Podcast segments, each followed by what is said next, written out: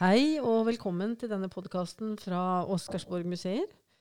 I eh, våre postkaster deler vi kjente og ukjente historier fra Oscarsborg. Vi bekrefter og avkrefter myter og avslører detaljer som kanskje ikke er så kjent for de aller fleste.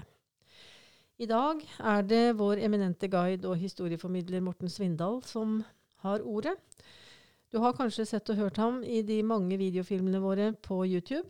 Morten er uten tvil en av dem som vet mest om Oscarsborg og hendelsene i tilknytning til stedet og festningen. Før Morten begynner, så tenkte jeg vi skulle si at uh, hvis du har uh, spørsmål eller kommentarer til det du hører, så kan du veldig gjerne ta kontakt med oss. Du kan sende mail til post at oscarsborgmuseer.no. Du finner Oscarsborg museer på YouTube og kan skrive i kommentarfeltet, eller du kan bruke Facebook-siden vår. Ja, Morten. Velkommen. Jo, takk. Temaet for dagen, det er, uh, har jeg skjønt, uh, du skal ta for deg noen av mytene om Oscarsborg? Ja, jeg tenkte du opplever jo, uh, både som guide og i andre sammenhenger, at en god del av, av, det som skjedde her den 9. april 1940, så, så, rundt det så er det en del myter, eller hva skal vi si, iallfall i beste fall udokumenterte påstander. Mm. Um, som uh, kanskje ikke stemmer helt. Og uh, noen av de tenkte jeg jo da å, å se litt på. og grunnen til at det har oppstått uh, så mange myter, kan jo være flere. Det er jo Blant annet så var det jo i, i, i etter krigen, da den militære undersøkelseskommisjonen av 46, som kom med en, en rapport som ble holdt hemmelig helt fra da 46 og fram til 1978. Kanskje du skal bare si noen ord om hva den undersøkelseskommisjonen egentlig undersøkte? Ja, Det var jo to undersøkelseskommisjoner. Den første var jo skulle se på med det politiske miljøet og, og uh, nivået ned til kommanderende admiral, kommanderende general, uh, UK45. Og så kom da en militær undersøkelseskommisjon i 46 som skulle vurdere de militære sjefene og deres disposisjoner da ved krigsåpningen i, i 1940. Mm. Og, um, og denne denne militære undersøkelseskommisjonen den uh, spurte jo også Eriksen, og hadde han inne til intervju. Og Eriksen skrev også, hadde også en del skriftveksling med dem. Mm. Uh, og um, det førte jo til en, en rapport hvor uh, Eriksen egentlig ikke ble direkte kritisert. Han ble heller ikke Han ble jo selvfølgelig ikke innstilt for, for påtale. Men Munchs rapport var ja, Man kan si at skryt var helt fraværende. Og, og festningens eh, potensial ble framstilt som litt bedre enn det i virkeligheten var. Og det lå en del indirekte kritikk i, i Munchs uttale. Men som sagt, veldig lite av det her ble kjent. Det kom en pressemelding i 1946. Veldig kort og kryptisk, men ellers så var det ikke kjent for de første før i, i 1978. Og det gjorde nok også at det oppsto en del uh, myter om, om, hva som hadde skjedd. Uh, og kan også si at en del av de mytene og udokumenterte påstandene er jo ført til en viss grad videre av en del forfattere som har skrevet om Oscarsborg eh, etter krigen. Nå er det ikke så mange som har skrevet bare om Oscarsborg. Mange har skrevet om 9. april, krigsåpningen, og da er det kanskje et kapittel eller litt om, om Oscarsborg. Og der eh, gjentas en del ting som eh, jeg, skal ikke, jeg, skal ikke, påstå hva som er riktig og hva som er feil, men jeg kan iallfall si at det er udokumentert. Ja, så er vi jo veldig takknemlige hvis noen kan eh, rette på meg der og finne dokumentasjon, så skal vi endre det og, og, og føre det inn som et dokumentert eh, faktum. Men, men, så langt så, så, er det en del udokumenterte påstander. Det kan jo forstås at man kanskje at at man kanskje har lyst til å gjøre eh, så mye som mulig ut av de spennende hendelsene, da noen dramaturgiske grep. Men de er jo spennende nok. Det er spennende nok, det som skjedde her. Det er nok en del dramatisering, ja. Mm. Kunstnerisk frihet, ikke minst. Ja. ja, hvor skal vi begynne da? Jeg tenkte å begynne med dette med oberst Eriksen som sto på Vollen og hovedbatteri 9. april om morgenen i, eh, helt alene, uten kontakt med omverdenen, og øh, hadde et forferdelig dilemma. Ja. Og det er det det, er det det som blir sagt? Det er vel bildet de fleste har, eh, har jeg inntrykk av. Eh, og selvfølgelig var det et dilemma. Han sto der eh, Til en viss grad var han alene. Han, altså Festningsorganisasjonen var jo tynnet ut. Han, han hadde ingen nestkommanderende, han hadde ingen adjutant, han hadde få han kunne rådføre seg med. Men det mange ser bort fra, er jo, og som ikke mange tar, man ikke tar i betraktning, det er jo at da var jo kommandolinjene åpne. Mm. Altså festningen var underlagt Sjøforsvarsdistrikt nummer én i Horten. Og den igjen var, det igjen var underlagt eh, eh Sjøforsvarets overkommando i Oslo.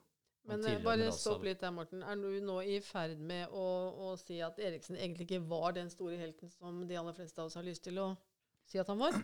Det, det vil jeg ikke si. Det vil jeg komme litt tilbake til senere. Okay. Ja. Men akkurat det med at han ikke hadde kommandolinjer, ja. det er iallfall ikke riktig. Og vi vet at, uh, fra festningsprotokollen at det var utveksling av informasjon hele veien der. Ja. Dette var et tidspunkt hvor um, eh, det hadde vært eh, store um, troppeforflytninger, store fartøysforflytninger eh, på tysk side, og man etter hvert visste at uh, denne styrken kom inn Oslofjorden. Man visste ikke da om det var en tysk styrke, eller hva det var. Det var jo også rykter om at uh, engelskmennene skulle komme for å bistå. Men eh, i alle fall så var denne styrken da gått inn Ytre Oslofjord. Eh, et av vaktskipene i Ytre Oslofjord hadde jo meldt at, eh, fint, at fremmede fartøyer trenger frem. Ja. Det var da ikke Pol 3, men eh, sannsynligvis eh, vaktfartøyet Farm som kom med den meldingen. Deretter så kom jo Pol 3-episoden, hvor Pol 3 også ble, ble beskutt av tyskerne, og, og eh, fikk det første dødsfallet da med kaptein Velling Olsen, som, som døde om bord på, på Pol 3. Allerede den 8. april, faktisk. Og deretter så kom jo den styrken gjennom forbi Rauøy Bolærne og ble der også beskutt, da først med varselskudd, som nøytralitetsinstruksen tilsa, eh, men forsvant da denne styrken i tåka før man fikk eh, skutt effektivt og kunne treffe, noen. Men de skjøt varselskudd? Det er veldig litt sentralt? De skjøt varselskudd, mm. og Rauøy skjøt også for effekt, mm. uten at de traff. Ja. Men ikke så veldig mange skudd som de rakk da før den forsvant inn i tåka. Det var altså mørkt på det tidspunktet der. Mm. Og um, Eh, på Oscarsborg så fikk man jo disse meldingene. Eh, man eh, ventet jo da hva som skulle skje videre. Det var jo dårlig bemanning på Oscarsborg. Det var dårlig trente mannskaper. De hadde ikke vært inne veldig lenge. Eh, men man hadde jo oppsatt eh, to av disse store 28 cm kanonene i hovedbatteriet. Eh, og man hadde oppsatt også Koppås-batteriet med 15 cm kanoner og to mindre kanonbatterier. Ja, Og Koppås det ligger da på andre siden av Drøbaksundet, på, på land. Ja. Mm. Og uh, torpedobatteriet på Nordkalmen var jo da også oppsatt. Så det var jo det man hadde. Um, men altså hele den tiden her så gikk jo meldingene fram og tilbake mellom Oscarsborg og Sjøforsvarsdistrikt nummer 1. Og man vet også at ved ett-tiden om natten så spurte jo ville kommandanten vite om han skulle stoppe utgående trafikk. Og fikk da til svar fra stabssjefen i, i SFD1, Hodnekvam, at uh, ja, den skulle stanses. Og det virker jo litt merkelig hvis eh, kommandanten var i tvil om hva han skulle gjøre med inngående, med, ut, med, med inngående trafikk, eller med utgående trafikk, så, eh, så hadde han vært i tvil om hva han skulle gjøre med inngående trafikk, så hadde han vel sannsynligvis spurt om det også. Eh, men det var det da ikke noe som, som, tyder på at han gjorde. Jeg skal bare oppklare noe, for det, de fleste vet det sikkert. Men eh, Birger Eriksen han var da kommandant på Oscarsborg, og han hadde da grad oberst. Så det kan jo hende at Morten kaller ham både kommandanten og obersten og Eriksen. Der, um, her var det jo også um, uh, mye som tyder på at, at, Eriksen faktisk hadde bestemt seg på forhånd. Uh, nå er det jo vist til at nøytralitetsinstruksen som gjaldt da, den er også sitert i en god del kilder. Um, og da er det mange som har sitert den første delen. Det skal ikke brukes makt uten etter ordre fra kommanderende admiral. Og da har man ofte behendig unnlatt å nevne den neste bisetningen, som sier at 'eller hvis man blir angrepet'. Ja. så, det, så, det, var altså en, eh, en, instruks om at man skulle bruke makt hvis man ble angrepet. Eh, en annen ting som jeg nevnte, var jo at, at eh, Eriksen hadde jo også hatt eh, vet iallfall to telefonsamtaler i løpet av natten med sin eh, sjef, sjefen for denne SFD-en, altså eh, admiralen. Og, og, vi vet ikke helt hva som ble sagt i de samtalene. Det kan godt være at han hadde diskutert hva som kunne skje også. Men på det tidspunktet så trodde han sannsynligvis ikke at den styrken ville komme brått inn på Oscarsborg. Særlig fordi at uh, Sjøforsvarsdistrikt nummer én, altså Horten, lå jo mellom Oscarsborg og det som hadde skjedd i Ytre Oslofjord. Han antok iallfall han ville få melding derfra. Men han hadde altså da fått beskjed om at det var skutt varselskudd? Ja, Ja. det visste han. Mm. Og han visste at det var en styrke som kom inn. Mm. Eh, det han da eh, la opp til, så var jo at når da ingenting skjedde midt på natten, så sendte han jo halvparten av mannskapene til å hvile. Og så skjedde jo dette her klokken, eh, klokken 3.38 da med at de fikk en melding fra Filtvet, og da er det bare 11 km syd for Oscarsborg, om at uh, fartøyer kom inn, altså store krigsskip kom inn. Og da ble det jo slått alarm igjen. Og da er det klart, da hadde han ikke lang tid. 11 km, det kunne disse fartøyene gjort på et kvarter, selv om de brukte vesentlig lengre tid. De brukte over tre kvarter. Eh, men i alle fall så hadde han eh, på forhånd diskutert dette med sin eh, etterretningsoffiser, kaptein Underberg. Og den samtalen er bare referert hos én forfatter, så vidt jeg kan se. Og det er da E.A. Steen, som skrev 'Norges sjøkrig' i 1954. Mm. Og Der skriver jo Steen at eh, om natten ble de innkomne meldinger og situasjonen i sin helhet drøftet mellom kommandanten og festningens etterretningsoffiser. Under diskusjonen ble følgende klarlagt. Nøytralitetsinstruksens bestemmelser er klare. Hvis de fremmede krigsskip som har trengt inn i Oslofjorden, skulle forsøke å forsere Drøbaksundet, skulle festningen hindre det med alle midler som sto til rådighet. Festningen skulle i tilfelle ikke skyte varselskudd før den åpnet til, da varselskudd alt var skutt av Pol 3 og Rauøy og Bolærne forter. Denne Steens gjengivelse er litt den, den er ikke veldig klar på hva som er sitat, og hva som er hans antakelser. Eh, og jeg har ikke sett eh, primærkilden, jeg har ikke sett at dette framgår i verken Underbergs eller, eller Eriksens rapporter. Eh, men i og med at eh, Asten, som da hadde tilgang på alle kilder Han jobba jo fram til 54 med bind 1 og bind 2. og utga det i 1954, hvor Eriksen fortsatt best, levde i beste velgående, eh, og hvor Underberg eh, var oberst i hæren på det tidspunktet, senere ble generalmajor. Så jeg vil jo tro at eh, de to hadde protestert hvis de hadde vært feil sitert i, i, i Stens bok. Så det er grunn til å tro at det var riktig at disse satte seg ned, sannsynligvis mellom det tidspunktet da ved to-tiden hvor Eriksen sendte halvparten av mannskapene til hvile, og 3.38, hvor da alarmen lød etter, etter meldingen fra Filtvet. Og da hadde Eriksen bestemt seg for hva han ville gjøre. Mm. Det var like fullt et dilemma. Han hadde vært igjennom et dilemma for å komme til den konklusjonen. Men, eh, men han hadde bestemt seg for hva han skulle gjøre. Og det var jo han til syvende og sist da som tok beslutningen. Det var hans ansvar uansett. Og eh, det, i og med at eh, han kunne jo på det tidspunktet midt på natta før meldingen kom fra Filtvet, kunne han jo også ha ringt til eh, Smith Johansen, admiral Smith Johansen i Horten og sagt dette er min eh, vurdering, er det riktig? Eh, det er ingen informasjon om at han gjorde det. Vi kan jo spekulere i Kanskje han ikke ville ha noen retningslinjer? Kanskje han ikke ville ta risken på å få noen vage retningslinjer fra admiralen? Han kunne iallfall vært en risiko for det. Um, på den annen side så var det ingenting ved Smith Johansen som tyda på at han ville gi et vage retningslinjer heller. Nei. Men uh, iallfall så har vi ikke noe informasjon om det. Det vi vet, var at Eriksen hadde bestemt seg. Ja. Og um, nå er det jo klart som sier, dette, dette setter jo ikke Eriksen i noe dårligere lys sånn sett. Eh, han var like fullt gjennom et dilemma. Og eh, han kunne jo valgt å, å eh, forsvare Drøbaksundet på en annen måte enn å bruke 28 cm kanoner på 1500 meters hold, eller 1400 meters hold, var det vel, eh, som han jo visste hadde en ødeleggende effekt. Og også dette med å, å bruke torpedoer. Ehm, Visste, Når de- visst, altså når du sier ødeleggende effekt, hvor dramatisk ødeleggende visste han at det ville være?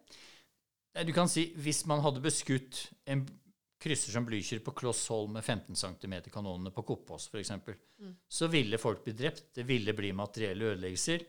Men fartøyet ville sannsynligvis fortsatt vært i stand til å, å komme seg videre. Mm. Eh, når du bruker 28 cm granater og torpedoer, eh, så er det for å ødelegge. Ja. Og eh, det viste seg også å være tilfellet. Så han visste også at det ville gå med mange menneskeliv? Ja, Ja. det vil, det vil du. Mm. Um, eh, Alf R. Jacobsen framstiller jo i boken Blücher som om som dette dilemmaet til Eriksen nærmest fikk sitt crescendo når kommandørkaptein Andersen, sjef for torpedobatteri, ringte da etter denne meldingen fra Filtvet 0338 og spurte om det skulle skytes med torpedoer. Eh, men på det tidspunktet så hadde Eriksen altså bestemt seg. Mm. Eh, en annen ting var jo at, eh, at eh, når man snakker om Eriksens rolle på Oscarsborg, og det med å, å, gi han kreditt for det han, han gjorde, eh, så er det jo en annen ting som er sterkt eh, underkommunisert, men det kan jeg komme tilbake til i en, en senere podkast, og det er jo det han opplevde senere, hvor festningen ble utsatt for ti timer bombing, 500 bomber, og midt i denne bombingen ble bombardert med 27 granater fra, fra lommeslagskipet Lützow. Mm. Eh, og da ikke kunne gjøre noe som helst, bare ble bombardert hele tiden. Fly fløy over og beskjøt alt som bevega seg med mitraljøser. Eriksen klarte å komme seg fra dekningsrom til dekningsrom. Opplevde alle disse som eh, var fortvilte. Noen hadde mista alt de eide. Eh, det var familier og sivile som da lå og gråt i disse dekningsrommene. Og like fullt så holdt de altså ut i, i ti timer eh, før de vurderte å, å overgi festningen. Mm. Eh, det er, er nok kanskje litt eh, underkommunisert. Ja. Og også det med at han da, når han begynte forhandling med tyskerne, faktisk trakk det ut til neste morgen. Hvordan han gjorde det, det vet vi ikke. Men, men det er nok uh, um, av positive ting å trekke fram av oberst Eriksen, at han var en helt, det er ikke noe å tvile om. Uh, så det det er ikke noe vits i å tillegge han ting han faktisk ikke gjorde. Nei, det kan du si. Jeg har lyst til å Nå har vi jo nevnt det i flere andre podkaster og filmer, men du nevnte dette med at Andersen ringte og spurte om det skulle skytes med torpedoer. og Da kommer vi jo inn på denne, denne setningen som eh, Eriksen stadig refereres på, og som det vel er tvil om at han noen gang har sagt. Hvis fanden skal der skytes med skarpt. Hva er det du igjen Hva er det du har funnet ut om det? Det står vel ikke, i hvert fall referert i noen rapport etterpå, at han har sagt det? Det kan vel ikke Nei, det gjør ikke det, så, så det, det er ikke dokumentert at han Nei, sa det. nei. Men, men uh, ordren som kom torpedobatteri, var ja, det skal skytes med torpedoer. Ja. Så, Ja, så den, den ordren ble gitt. Ja. Men uh, det, den, eh, den myten med obersten på volden som var uten kontakt med overordnede, den er, den er nok ikke helt tatt ut av eh, virkeligheten heller. For det, det var jo, og det er en vesentlig del av Eriksens rapport, går jo nettopp ut på det at han ringte den ene og den andre uten å få kontakt. Mm. Men det mange har, har gått glipp av der, er jo at dette skjedde jo etter klokken åtte. Klokken åtte så ringte altså eh, admiral eh, Smith-Johansen fra, fra eh, Horten og sa at eh, Sjøforsvarsdistrikt 1 hadde overgitt seg. Horten hadde overgitt seg. Eh, og han var på egen hånd. Da ringte Eriksen først til eh, kystartilleriinspektøren, og som han sier, der var det ikke meget hjelp å få. Og så ringte han til eh, Sjøforsvarets overkommando, eller admiralstaben som han kalte det. Han ringte generalstaben.